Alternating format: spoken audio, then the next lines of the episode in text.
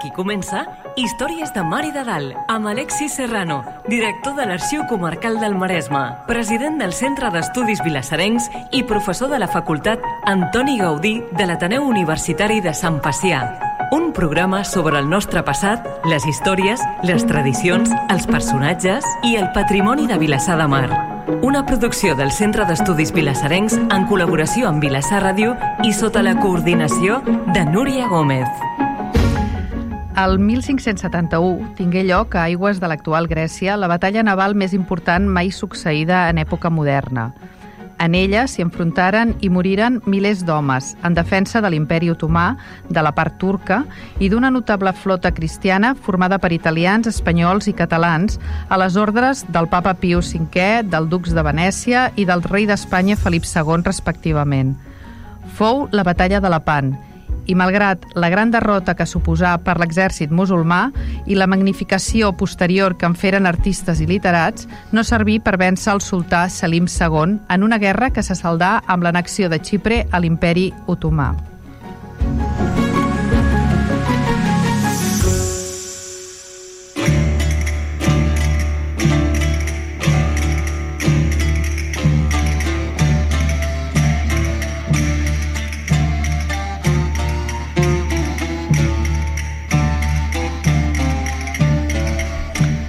Benvinguts. En el programa d'avui parlarem amb l'Alexis sobre la batalla de Lepant.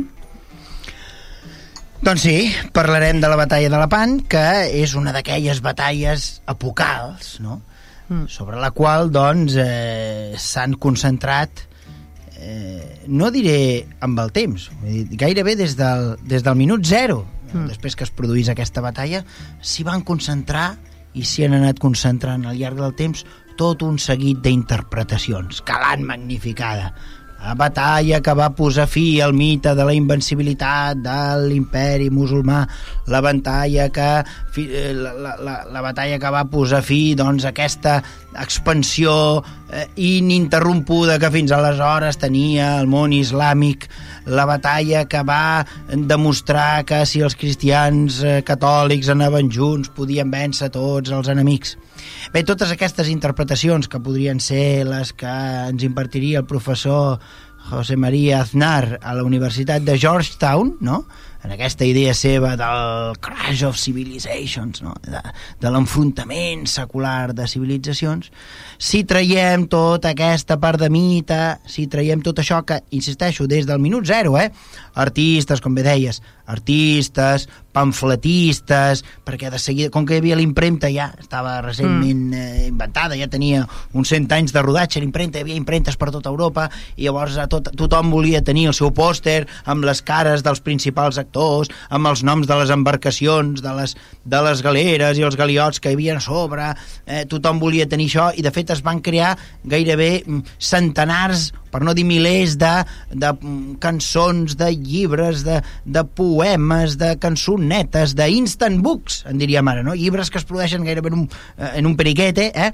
Eh, entre els quals, per exemple, el d'en Joan Pujol, un mataroní, eh, un capellà mataroní de l'època, del segle XVI, estem a l'època del tardor, tardor renaixement, i un capellà doncs, que fa tot una obra en vers on eh, magnifica eh, la, tota l'heroïcitat d'aquella batalla. Dic, si traiem tot això, el que queda és que és una batalla que, es va, que va enfrontar les dues flotes, una flota, la flota de l'imperi otomà, la flota que formalment era la flota de l'islam, després veurem com estava formada aquesta flota, però per l'altre costat veiem una gran flota cristiana formada per naus que són propietat, unes d'elles que són propietats del Sant Pare, perquè el papa era el rei dels estats pontificis, per tant, tenia també un, un poderiu militar, perquè ens entenguem, també nàutic o naval. Eh, per l'altre costat tenia les, la, una part de la flota era dels cavallers de Malta, no? els cavallers de, de l'ordre de Malta. Per l'altre costat tenim eh, la, la, la, la flota veneciana, una part important de la flota era de la república, de la Sereníssima República Veneciana, i per l'altre costat tenim una, una, un gran contingut, mm, diguem, de, de, de galeres i galiots que van per part de la, de la monarquia hispànica. Bona part d'aquests també italians, perquè la monarquia hispànica aleshores també era el sud d'Itàlia i el milanesat, no? per tant, un, el nord d'Itàlia i el sud d'Itàlia, una part del nord d'Itàlia i bona part del sud d'Itàlia, amb Sicília, etc, doncs són de l'imperi espanyol, i per tant no només hi ha catalans eh, sinó que amb l'etiqueta d'espanyols, diguem-ho així, o d'hispànics, doncs també hi van milanesos, napolitans, catalans, etc. Per tant, tenim aquesta flota que organitzarà el papa, amb una butlla de croada, amb molt d'esforç, perquè...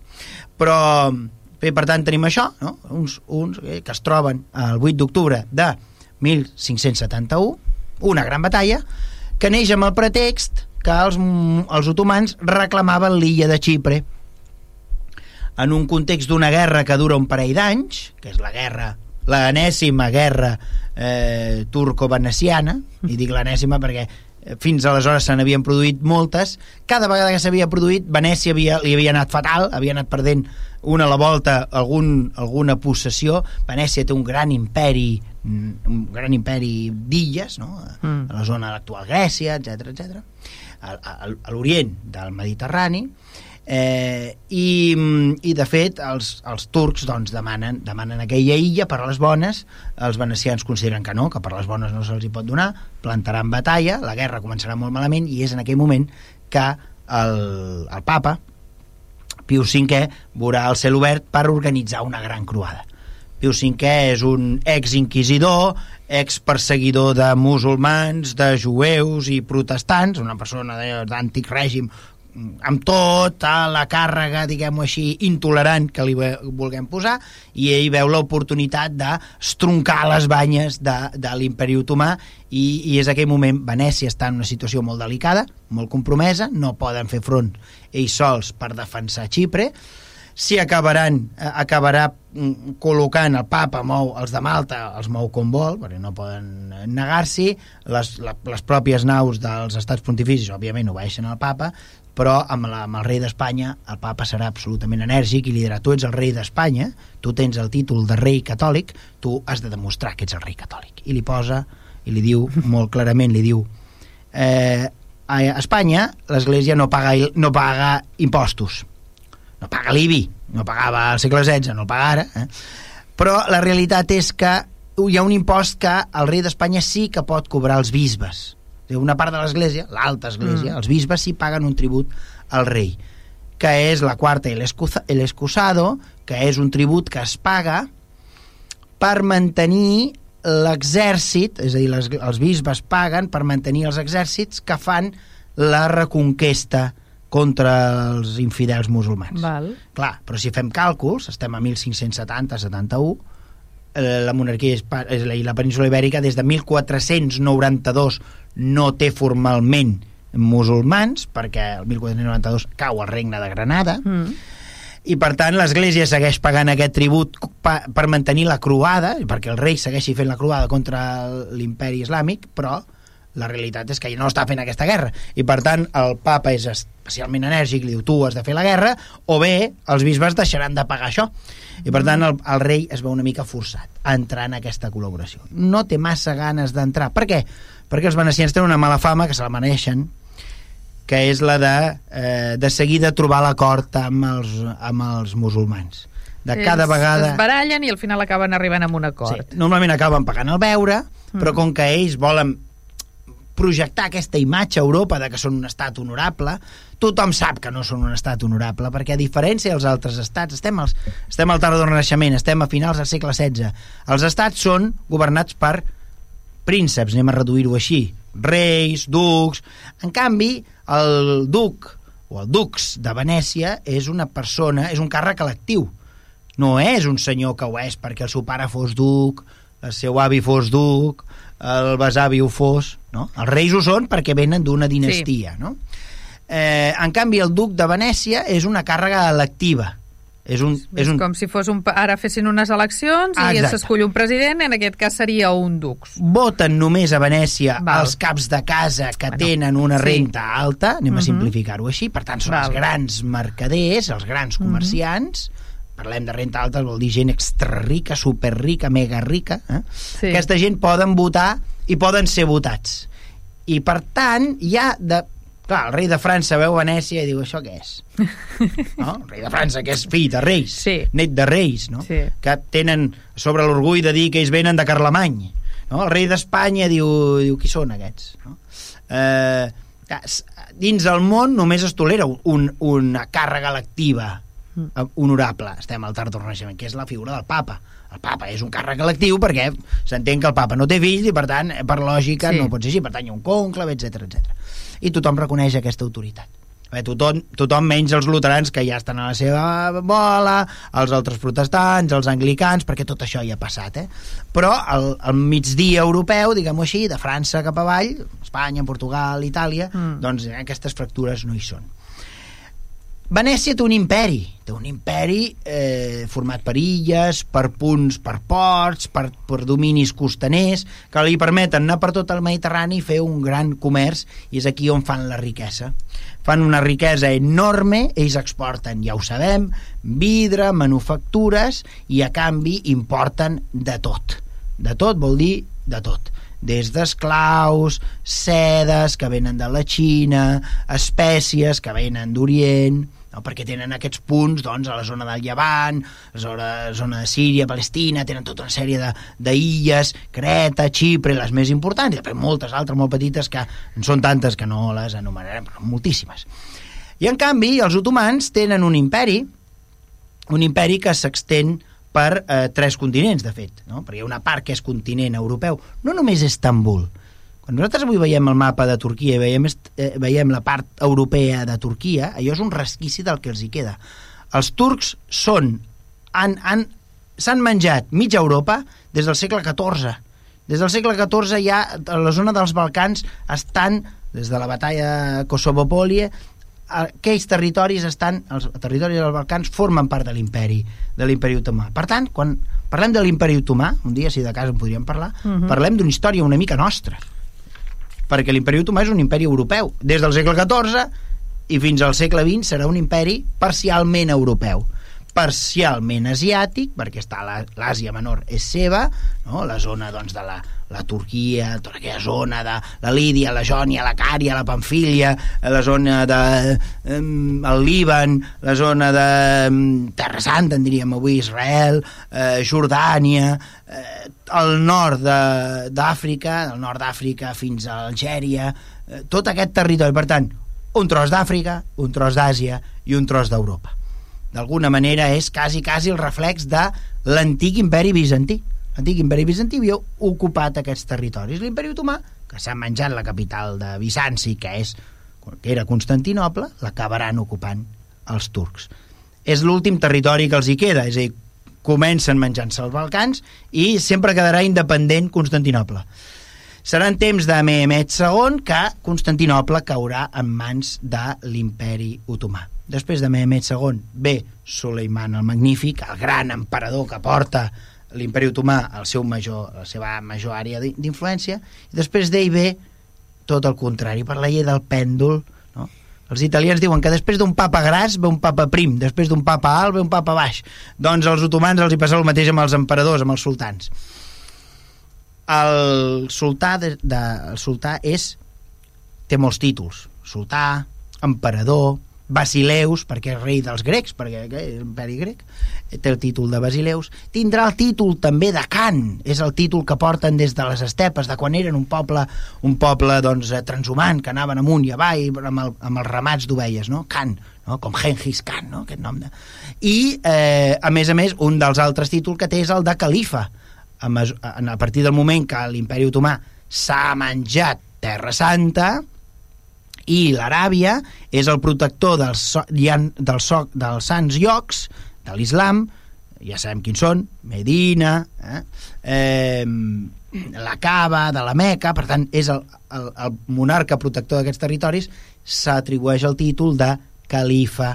Califa és el príncep dels creients, és el primer dels creients, és el successor de Mahoma, d'alguna manera. S'arroga aquest títol i, per tant, estem parlant de eh, segurament la persona que té més títols al món.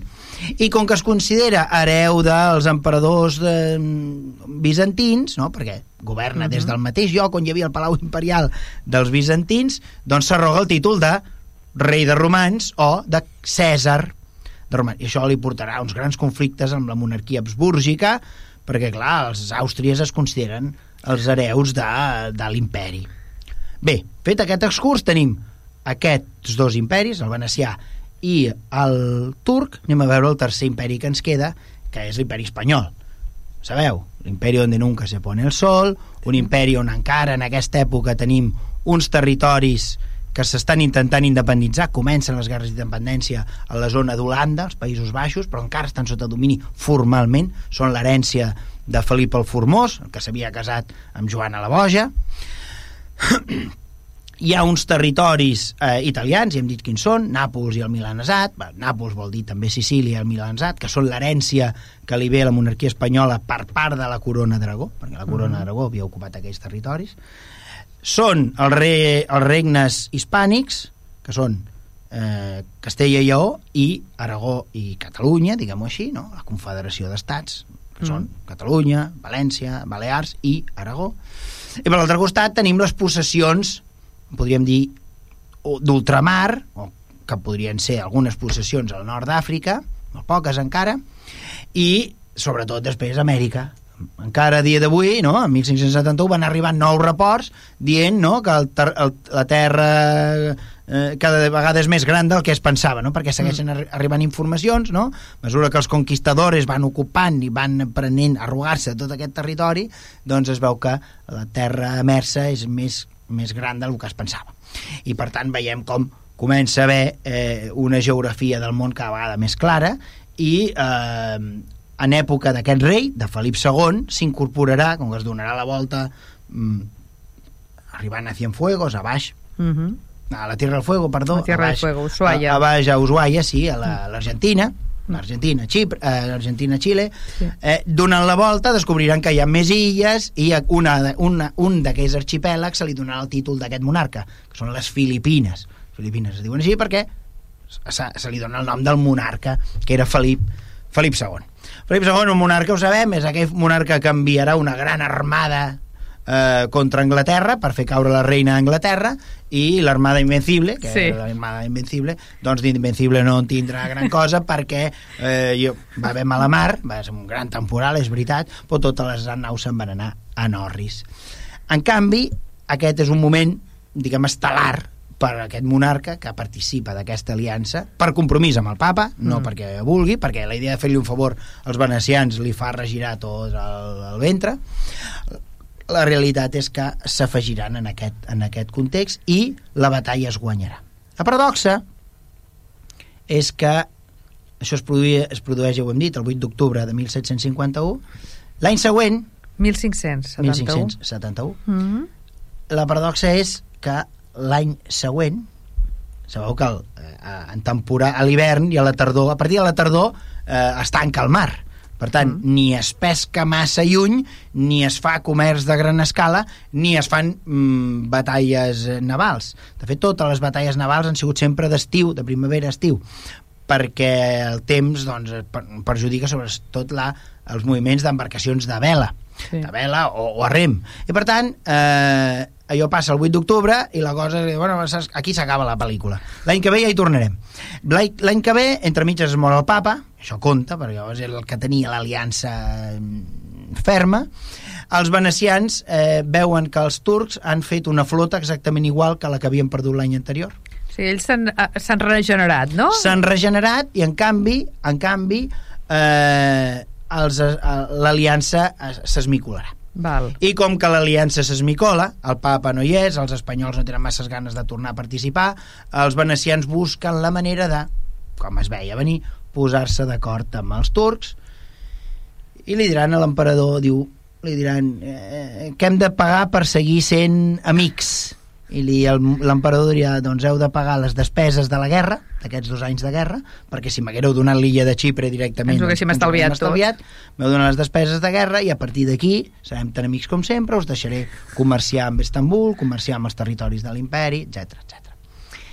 Per tant, aquests dies sentirem parlar del Cris de Lepant i de la batalla de Lepant, perquè s'ha restaurat el Cris de Lepant de la Catedral de Barcelona, Uh -huh. quan la gent senti parlar del Cris de Lepant i la batalla de Lepant, doncs que tingui, que tingui present que sí, és una gran victòria, eh, la batalla més gran mai combatuda en aigües eh, del Mediterrani, però que tinguin en compte que aquella batalla no va servir absolutament per res. Bueno, per, per, per tenir obres d'art, no? Perquè quadres, eh, novel·les, escrits, eh, cultura en general... Suposo que no? això no és el que es buscava. No, evidentment.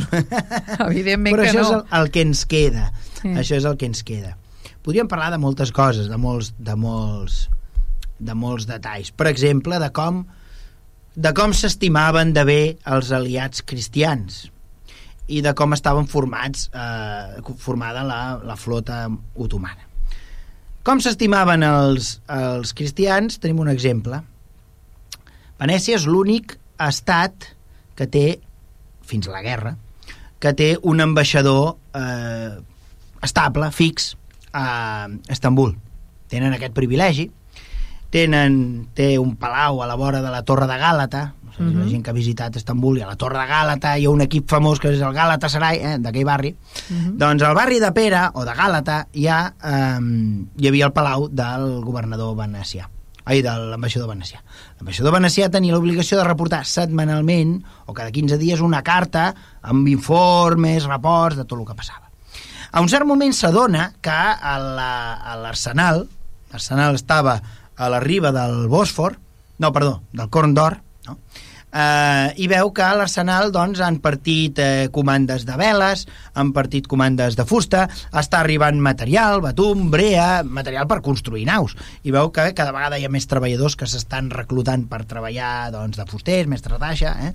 Vull dir que hi ha alguna cosa que avui a l'olla.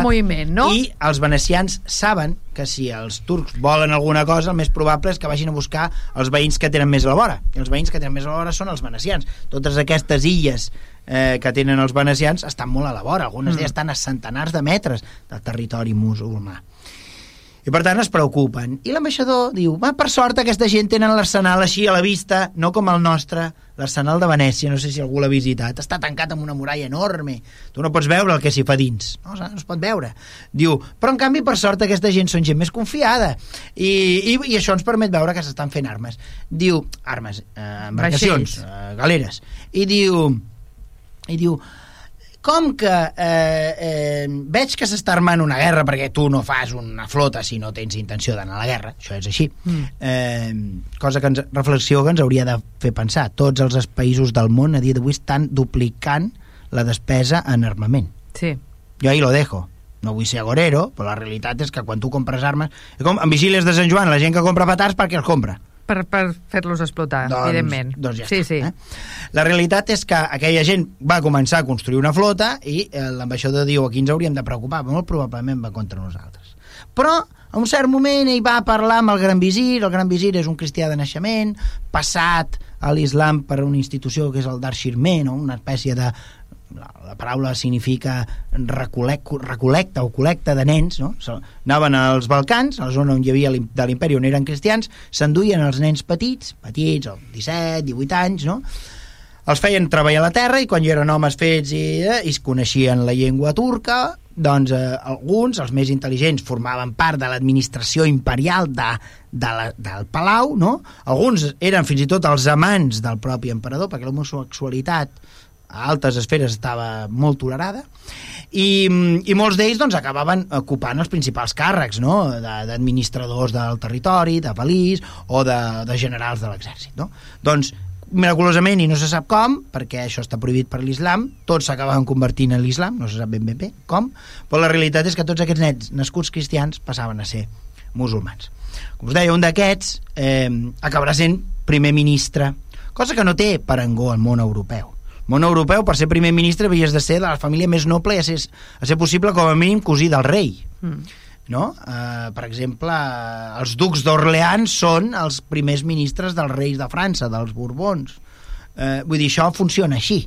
Eh, a, a, allà funciona més el mèrit i la capacitat. I això veuran els, els, els cristians veuen que ja hi ha un model alternatiu nítidament alternatiu, on el mèrit, la capacitat, on hi ha tolerància religiosa, on els jueus poden fer de jueus, on els cristians poden fer de cristians, Bé, en qualsevol cas, en aquell país més eh, mixt, mm, veiem com eh, s'està construint una flota, l'ambaixador ho veu, diu ens hem de preocupar, i va veure el primer ministre que és, insisteixo, un cristià de naixement, ara ja convertit a l'islam, i aquest primer ministre diu, no, no pateixis, la pau és una cosa tan maca, en Venècia no hi tenim res en contra, som tan amics, eh, fem un comerç fantàstic, de fet, en vigílies de l'esclat de la guerra, eh, els turcs encarreguen el gran visir encarregarà fanals, fanals fets amb, amb, amb vidre, no? fanals per les embarcacions per, per la pròpia flota.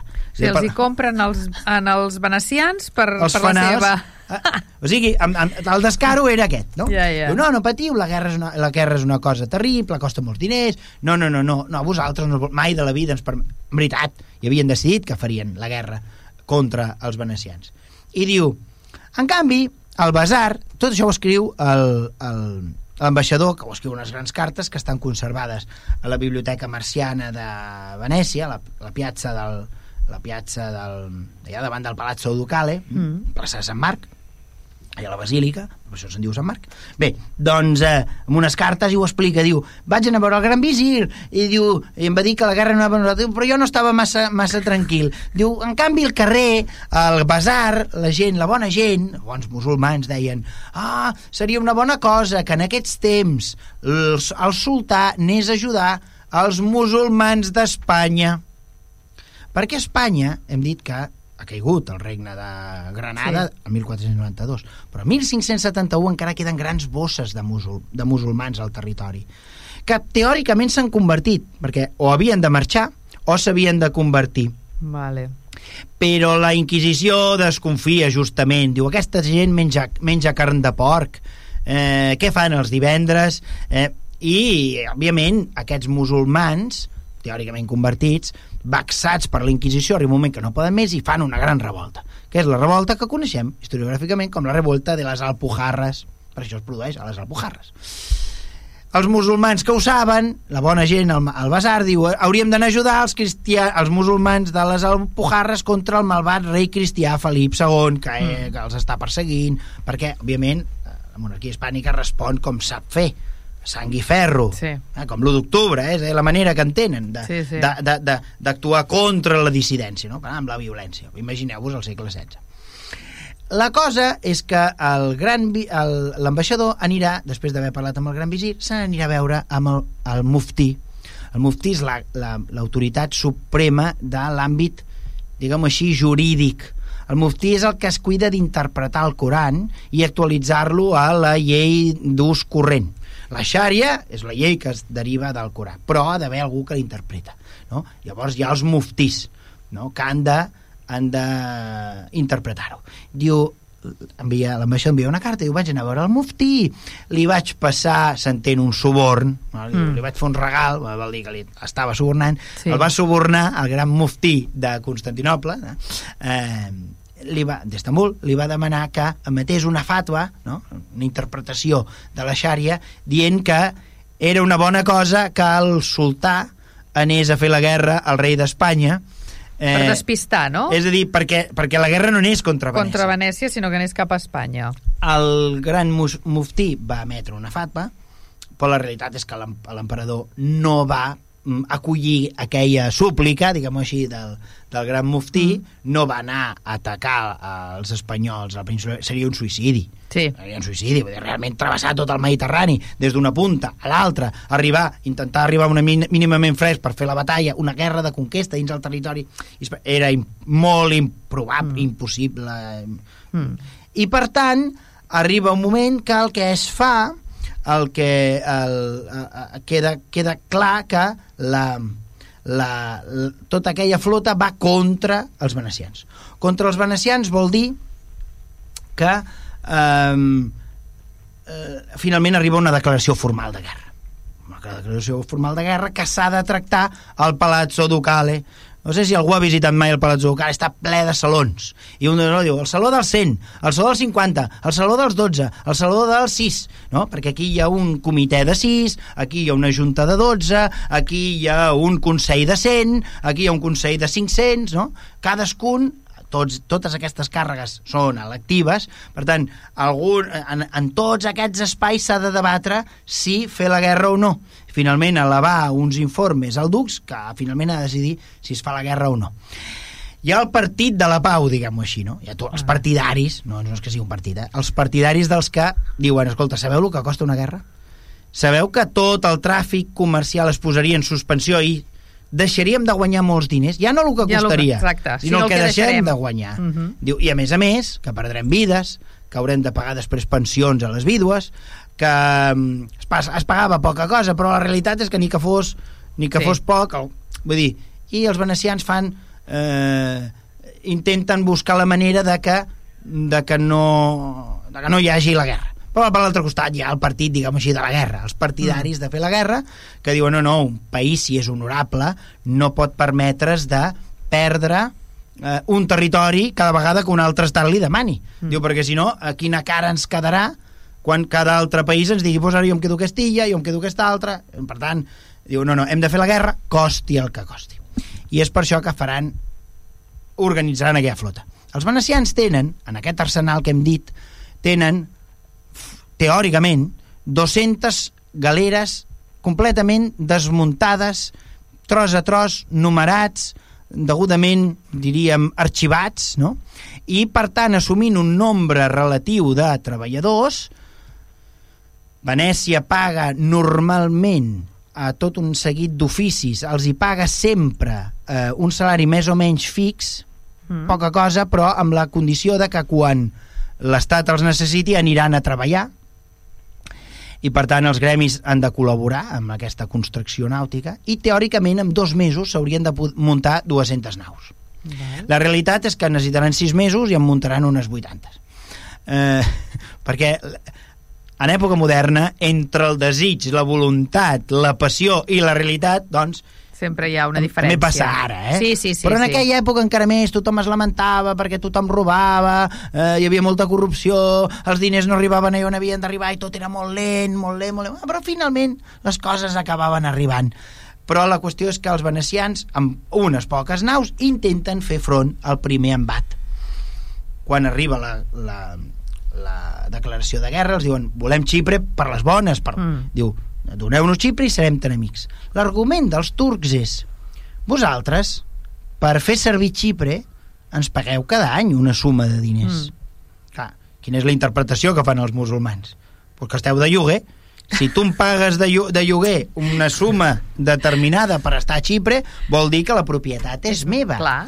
I la realitat és que Xipre havia sigut anteriorment territori musulmà que havia passat als, als venecians per una qüestió complicada de l'època de les croades, però en contraprestació els venecians, per no tenir problemes amb els otomans, no? amb els que sempre volien fer grans negocis, doncs eh, pagaven aquest, diguem-ho així, aquest lloguer.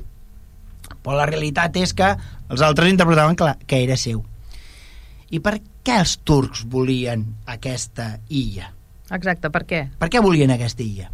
Doncs perquè l'emperador que hi ha al tro en aquesta època, el sultà que hi ha al tro, el califa que hi ha al tro en aquesta època, és Selim II, que és exactament l'oposat del que havia sigut el seu pare, Suleiman, el que nosaltres, la historiografia occidental, coneix com Suleiman el Magnífic. Els turcs el coneixen com a Suleiman Canuni. Canuni vol dir el canonitzador, vol dir el que fa la gran compilació del dret. Suleiman és la versió musulmana de Salomó. Salomó és el rei de la Bíblia que fa la gran compilació jurídica, no? És el gran legislador, és aquell que diu, li porten un nen i dos mares, diu, és més, més meu, no, és més, l'altre li portàvem un ganivet. No? Bueno, sí. Doncs, doncs, eh, doncs Suleimà és el mateix nom que Suleim, eh, Sa Salomó. Salomó és el mateix nom que Suleiman. I Suleimà el que farà és farà aquesta gran reforma del codi, és a dir, partint de la xària, que emana del Corà, fa que aquest, els muftís, eh, els ulemes i els muftís facin una codificació. Com es fa aquesta codificació? Posem un exemple. Eh, el muftí i els ulemes tenen unes oficines que estan al primer pis d'unes cases. Vale? La gent s'adreça a la part baixa i porten uns paperets i han de fer peticions, han de fer preguntes. Val. I la resposta ha de ser fàcil, ha de ser sí o no. Per tant, la pregunta ha de ser prou, prou concisa com perquè la resposta hagi de ser sí o no. Poso un exemple. En aquesta època es comença a posar de moda el consum del cafè. De fet, la paraula cafè, la fem servir cada dia, és una paraula turca que ve del cafè, mm, i es posa de moda. hi ha algun bon musulmà que li ve el sentiment de dir però ja fem bé de prendre cafè, perquè és una cosa nova, no estava en temps del calif, en temps del profeta, per tant el profeta ens ha dit que begudes alcohòliques no en podem prendre, i el cafè hi havia el dubte. I algú li fa la pregunta i diu, es pot, és lícit prendre cafè, sí o no? Llavors, aquests papers es posen en unes cistelletes que baixen amb unes cordes mm. per la finestra, la gent posa aquestes peticions, no? aquestes preguntes, aquests quisits, pugen a dalt i el muftí i els ulemes van fent la resposta sí, no, sí, no, sí, no i alguns eh, escrivans van escrivint, es, és lícit prendre el cafè perquè òbviament van Val. prendre la decisió que sí es podia prendre cafè i això és per, pel qual, motiu pel qual nosaltres prenem cafè no? perquè diguem el van posar de moda els turcs doncs per als musulmans Suleimà, el, el que per nosaltres és el magnífic és el canonitzador vale? Val. canoni però el seu fill, Selim, és justament el contrari. Si el pare era un pou de virtuts, que va durar molts anys, que va governar, que va fomentar les arts, que va eh, eh, apadrinar a un gran arquitecte que és Sinam, que farà grans edificis, com per exemple la mesquita de Suleimà, el magnífic, a, Istanbul, que és aquella més gran de totes, que domina el promontori, però altres edificis que estem farts de veure, com per exemple la mesquita, la cúpula de la mesquita de la Roca, a Jerusalem. Estem farts de veure-la dia sí, dia no, al Telenotícies, per motius gairebé sempre desagradables, eh, però aquell edifici eh, també el va fer Sinam. Per tant, un gran mecenes de les arts, eh, en fi, el coneixem fins i tot per, per, per sèries que s'han fet, ara que es fan sèries turques hi ha sí. una que és, que és la vida de Suleiman i la seva, i la seva història d'amor amb, amb Roxelana, Roxelana la russa, això vol dir Roxelana, no? Mm, de fet hi ha òperes, jo, em sembla que hi ha una òpera hi ha una òpera antiga, em sembla, no sé si... Pot ser. Hi ha una òpera eh, que, és, que, que parla de Roxelana i del... Bé, tota aquesta història, és dir, és un personatge que fins i tot el món cristià generarà una gran, un gran impacte. Per sota de, de Suleiman tenim, ja ho, dit, ja ho he dit, un emperador que és tot el contrari, si el pare era un niu de virtuts que només bevia, diuen els ambaixadors venecians, aigües delicades, vol dir mm. aigües perfumades, amb pètals de rosa, etc etc. el fill és un alcohòlic. Un alcohòlic, un diu, home, si ets el califa hauria de, com a mínim donar, donar exemple. Doncs Selim II és un alcohòlic, és eh, diuen els ambaixadors venecians, beu aiguardent des de primera hora del matí i va alcoholitzat tot el dia i diuen no durarà massa, no viurà massa anys, efectivament va viure pocs anys, eh, tenia un gran sentiment, un complex d'inferioritat respecte al pare. Bueno. Els, els ambaixadors diuen no s'asseu al tro on s'asseia el, el pare, no s'asseu al tron del pare, sinó que s'asseu més al fons i més a un angle, no? per tant no assegut al centre del, del saló, sinó una mica més al fons, perquè diu que no és digne de seure al mateix lloc on, on seia el seu pare. Per tant, amb aquest emperador li pesa, però, el fet de no portar una conquesta ni que sigui simbòlica per a aquest imperi. Per tant, durant el seu regnat ha d'incorporar algun territori, perquè les cròniques es digui eh, Mehmet II va conquerir eh, eh, eh, Estambul. Suleimà, eh, Suleimà el Canuni va portar les fronteres dels Balcans fins no sé on. I Selim II va anexionar Xipre el més fàcil és Xipre. Xipre està a, a pocs quilòmetres de la costa turca i en canvi està, em sembla, 1.200 quilòmetres de la, pla, de la plaça de Sant Marc. Mm. Per tant, està clar que és fàcil d'agafar és fàcil d'agafar per als turcs i és, fa, és difícil de defensar per als venecians. Els venecians, de fet, els hi serà molt difícil. De fet, el primer any, el 1570, el primer any d'aquesta guerra mm, turco-veneciana, quan els, quan els cristians venecians s'obren al mar i van a buscar, van a, van a presentar batalla, passa una cosa que és el que havia de passar. I és el que ens permet parlar de com estava formada la flota eh, musulmana. Què passa quan els cristians intenten arribar a, a Xipre? Passen dues coses. Primera, l'almirall de la flota veneciana escriu m'han mort 10 tripulants el dia següent, m'han mort 50 M'han anat mort 100, m'han anat mort 200. Diu, aquí tenim un problema. Havia esclatat una epidèmia de, crec que era de tifus, Ostres. Penseu com era una galera. Una galera és una embarcació d'uns 50 metres de llarg, molt poc ample, d'uns 4 metres d'ample, per tant, com una casa de cos una mica més llarg, vale? I, i per tant, eh, la gent anava eh, en bancs de 4 i 4, em sembla, Ah, molt juntets, enganxats. menjant, bevent, fent aigües majors i menors, tot, Tot. allà mateix. Tots allà sentadets. Quan esclata un episodi de contagi, doncs allò s'escampa com la pólvora. Sí. I la realitat és que eh, així no hi ha manera d'anar endavant. Si et van morint els ramadors, Mm. si et van morint soldats, i la realitat és que aquell 1570 la tropa veneciana no, arri no arribarà a, ni a l'Adriàtic. Per tant, eh, no arribarà a sortir de l'Adriàtic. La realitat és que serà en aquell moment en què el, el papa Pius V trobarà la manera, trobarà la manera de forçar els espanyols per eh, afegir-se que vindran un any després, perquè els hi costarà molt, un tractat llarguíssim, posar-se d'acord, com es reparteix el, els beneficis, si és que n'hi ha... Tothom sabia que si s'ajuntaven serien superiors als musulmans. Uh -huh. Però la realitat és que els musulmans tenien una xarxa d'informadors i, òbviament, quan, els, quan finalment es van agrupar tota la flota a Messina i van anar cap a, cap a buscar els, um, els musulmans, els musulmans el que van fer, la flota musulmana que estava a l'Adriàtic, per no quedar-se tancada a l'Adriàtic, l'Adriàtic voltada per territori venecià, perquè ens entenguem, doncs el que van fer va ser baixar corrents i anar a buscar el primer port islàmic que tenien, que era el port de Lapan. Lapan és una població a la vora de Corint, a la vora del golf de Patràs, al golf de Corint, eh, molta gent hi deu haver passat per sobre, i ara hi ha un pont d'autopista que travessa i coneix el Peloponès i la, la, diguem, la, la Grècia actual continental. Aleshores era territori otomà, el primer port que tenen és un port molt petit, allà s'hi van quedar i allà s'hi van resguardar. Jo voldria parlar com estava feta la flota, la flota otomana. La flota otomana, la meitat de la flota otomana eren, no eren musulmans, D'on eren? eren cristians. Com que eren Eren cristians? cristians ortodoxos, perquè hem dit que l'imperi l'imperi otomà era relativament tolerant. Hi havia unes, entre cometes, minories, que eren el que s'anomenaven els Miret.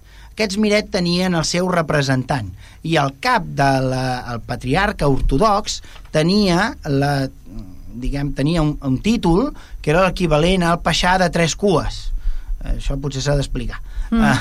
sí, amb una miqueta, Els sí. peixàs eren els ministres del, del govern. El primer ministre era el gran visir, no? Mm. Tots aquests càrrecs eren, ho hem dit, eren antics cristians que havien passat pel Darxirmer, no? I havien passat a formar part de diguem, de, de, de la cort diguem, de, de gent formadíssima per, per mm, dur, uh, per mantenir l'Estat, no? l'Estat amb tota la seva administració. Vale? Per tant, gent que sabia llengües, gent que sabia matemàtiques, gent que sabia de tot, vale? gent ultraformada. Llavors, els peixars a tres cues, de tres cues, o no sé com s'hauria de traduir, eh, per què tres cues? El sultà té cinc cues, té dret a tenir cinc cues plantades davant de la tenda de campanya quan es va a la guerra. Cinc cues de cavall, perquè és un record de quan eren un, un poble eh, transhumant que anava, de quan es feien dir khans, no?, els, mm. els, els sultans. Eh, I per tant, eh, Quan els, les cues també donen, és representa- manera un símbol de poder. és un símbol de poder. Val. És a dir, com per exemple, doncs hi ha altres, eh, hi ha altres elements en l'heràldica, no? Aquell, Mm. per exemple, els, els, els, els escuts cardenalicis, no? Eh, tenen tota una sèrie de nusos, no?, que pengen del barret del cardenal. Si ets, eh, si, com més com més galons tens, més, Més nusos et pengen del barret. Val. Doncs el mateix passa amb les cues. Mm. Doncs l'equivalent a un peixà de tres cues el tenia al cap del de, miret eh, dels cristians i al cap del miret dels jueus. Perquè quan entra eh, eh, Mehmet II i conquereix Estambul, Estambul és una ciutat buida, és l'ombra de si mateixa, Estambul, Constantinople, que els turcs anomenaran inicialment Constantinier, que per una corrupció de la paraula a la ciutat, Istimpolis, acabarà derivant Istanbul. Mhm. Bé, quan arriben els musulmans a aquella ciutat que era enorme, la nova Roma, eh, l'havia fundat Constantí, d'aquí el nom, Constantinier, doncs és, una, és un niu buit, pràcticament no hi viu ningú. I una ciutat que no hi viu gent, doncs no serveix de gran cosa. Per tant, el que primer que fa Mehmet II és proclamar una mena d'edicte que diu tots els que vinguin aquí recuperaran casa seva. Per tant, els antics grecs que havien marxat poden tornar a recuperar les seves propietats i molts tornen i els diu i us respectaré la religió. Tindreu un cap que serà el, el, el patriarca de Constantinople, patriarca ortodox, eh, serà el vostre cap i serà ministre del meu govern. Val. Eh? Per tant, té aquest nivell de peixar de tres cues. Mateix fa amb els musulmans. I, a més a més, com que es produeix en una època que en bona part del, del, de l'Europa cristiana s'estan expulsant els musulmans, ai, els, els jueus, doncs molts d'aquests jueus van a buscar refugi a Constantinople i van amb els seus diners, perquè molts d'aquests jueus són mercaders, banquers, grans comerciants Mm. i porten eh, la seva la seva, els seus coneixements de banquers, de grans comerciants, es porten i són rebuts amb els braços oberts, i en alguns casos clamorosos. Eh, per tant, allà hi ha una part de la població que són jueus, una part de la població no menor, de fet la meitat de la població que viu a l'imperi otomà eh, són cristians ortodoxos, encara en aquesta època, al segle XVI, i l'altra meitat, doncs, són musulmans. La cosa curiosa és que el dia de Sant Jordi, el dia de Sant Jordi, Mm. era el moment que sortia la flota. I quan, el dia de 20, el 23 d'abril, per als cristians és el dia de Sant Jordi, Jordi, aquest pagès, no? que vol dir això, Mm. Georgos, té la tomba en una illa a la vora de Constantinople, és una sant, un sant molt venerat per als cristians, però en un cert moment també ho serà per als musulmans. Els musulmans consideren que és la figura de l'home verd que apareix al Corà, el Hidra, l'home verd, l'home mm, un home que apareix en un moment al Corà que parla amb Moisès, per tant té un, un lloc destacat, Mm. i eh, per ells és una figura mm, diguem així eh, sagrada també, per tant Mm. s'associen les idees l'home verd és l'home de la primavera 23 d'abril enceta la primavera i per tant doncs la flota otomana, que era formalment la flota de l'islam, quan sortia al mar, que sur sortia del, de, del Corn d'Or i es, feia a la mar, sortia el patriarca ortodox a beneir, a beneir la flota musulmana. Vull dir, perquè aquell era un món bastant mix, bastant més, eh, no sé com dir-ho, Sí. bastant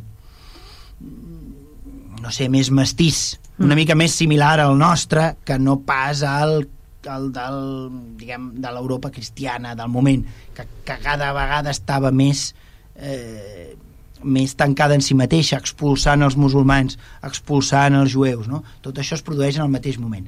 Tots aquells que són expulsats per la... Per, de, perquè, clar, Espanya serà dels primers en expulsar mm. els jueus, primers territoris. S'han produït altres expulsions i progroms en altres territoris. Espanya es produeix, Espanya, la península Ibèrica, Mm. es produeix molt abans, després passarà a Flandes, des, que també és territori espanyol, Sí. després passarà a Venècia, Venècia si, en aquesta època eh, els venecians acabaran també expulsant els, els jueus, i tot aquest personal anirà a buscar refugi a l'imperi otomà. Val.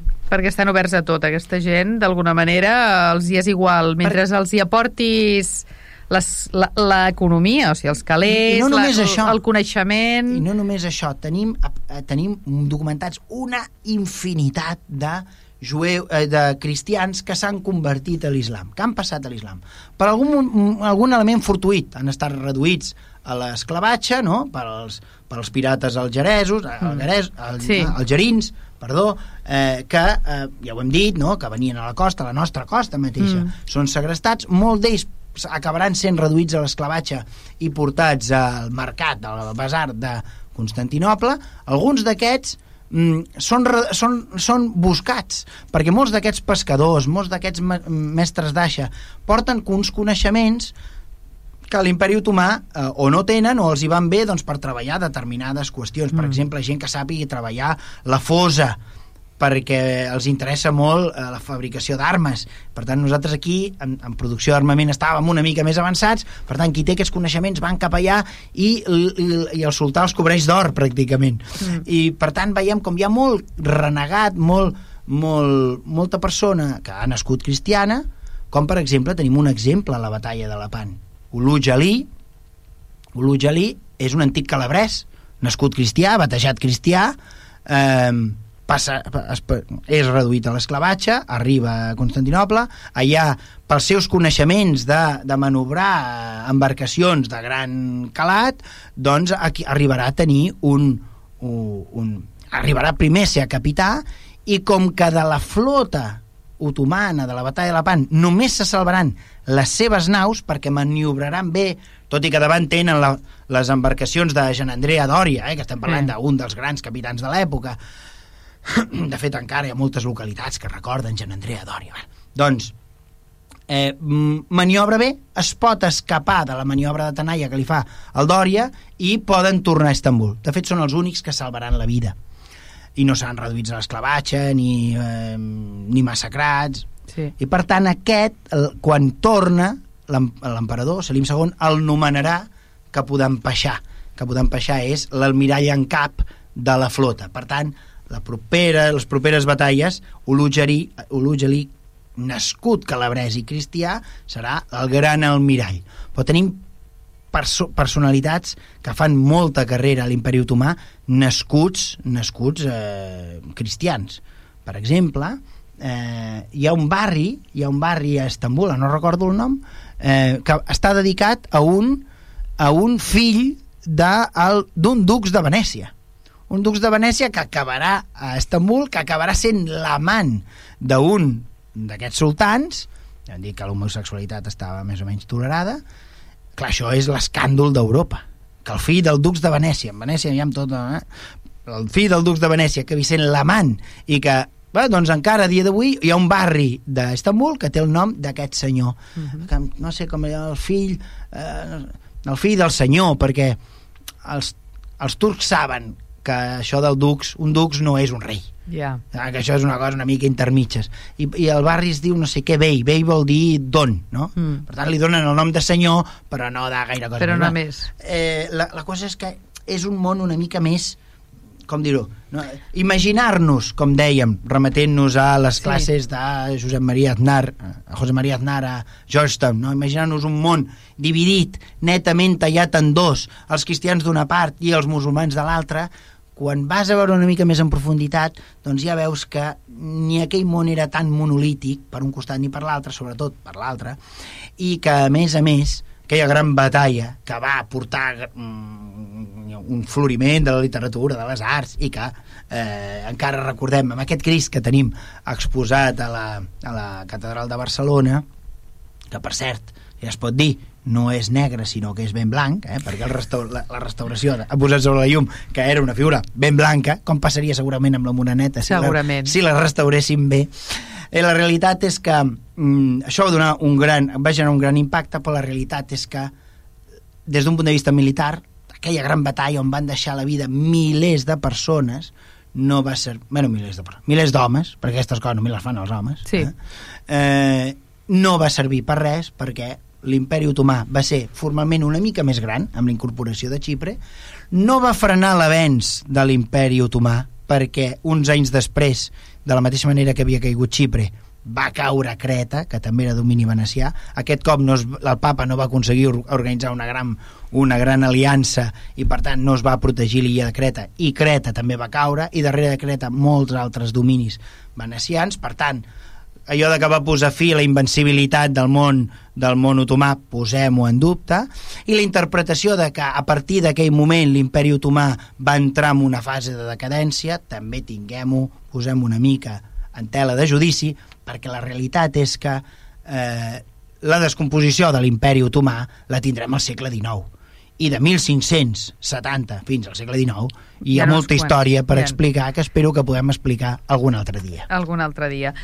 Uh, de fet, uh, el tema aquest que comentaves de que els, els turcs o el, els musulmans, l'imperi otomà, el que sigui, agafava gent, recordo que en un programa que vàrem fer sobre la pirateria, ja dèiem que molts dels... Nosaltres, aquí els cristians, no? Si ets musulmà, ets musulmà, però en canvi els musulmans, si ets cristià i pots aportar alguna i t'agrada, bueno, i vols, et pots reciclar, no? I entres no només i... reciclar, sinó que aquest calabrès, Sí. anat pescador a Calàbria... Allà no era ningú, No i allà- deixat mai de ser un pescador calabrès. Sí. I en canvi va ser l'oficial de l'imperi otomà més ben pagat. Mm.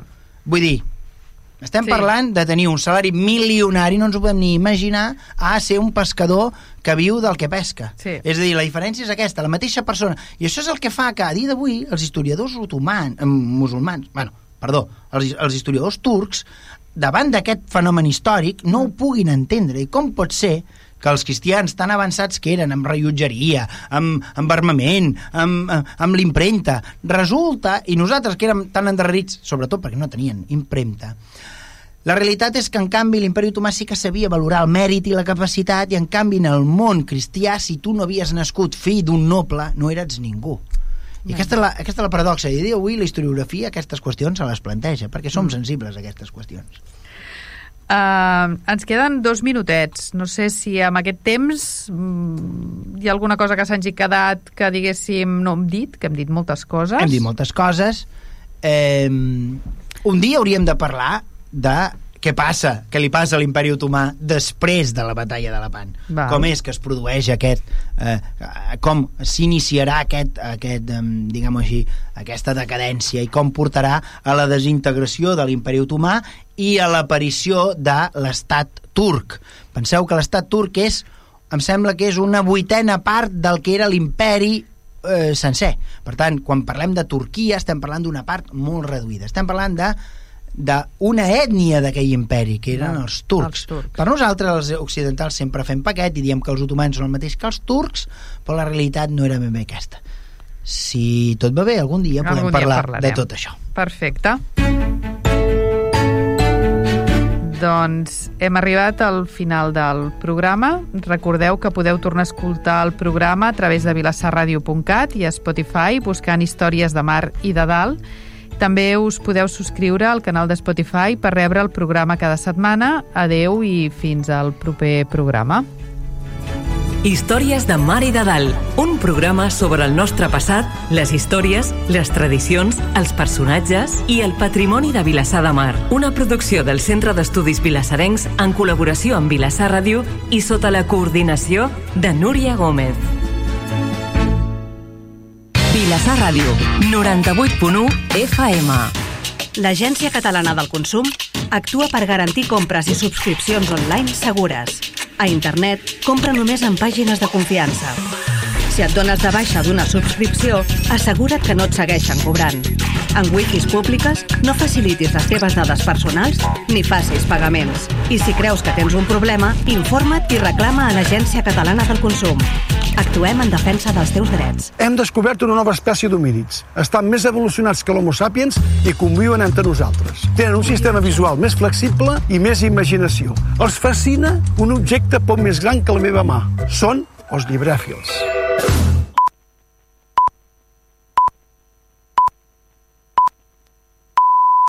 Vilassar Ràdio són les 10 de la nit. Amb qui parles? Amb la Maite. M'agradaria ajudar-la, però no me'n surto. Les dones que estan o han estat en situació de violència masclista tenen dret a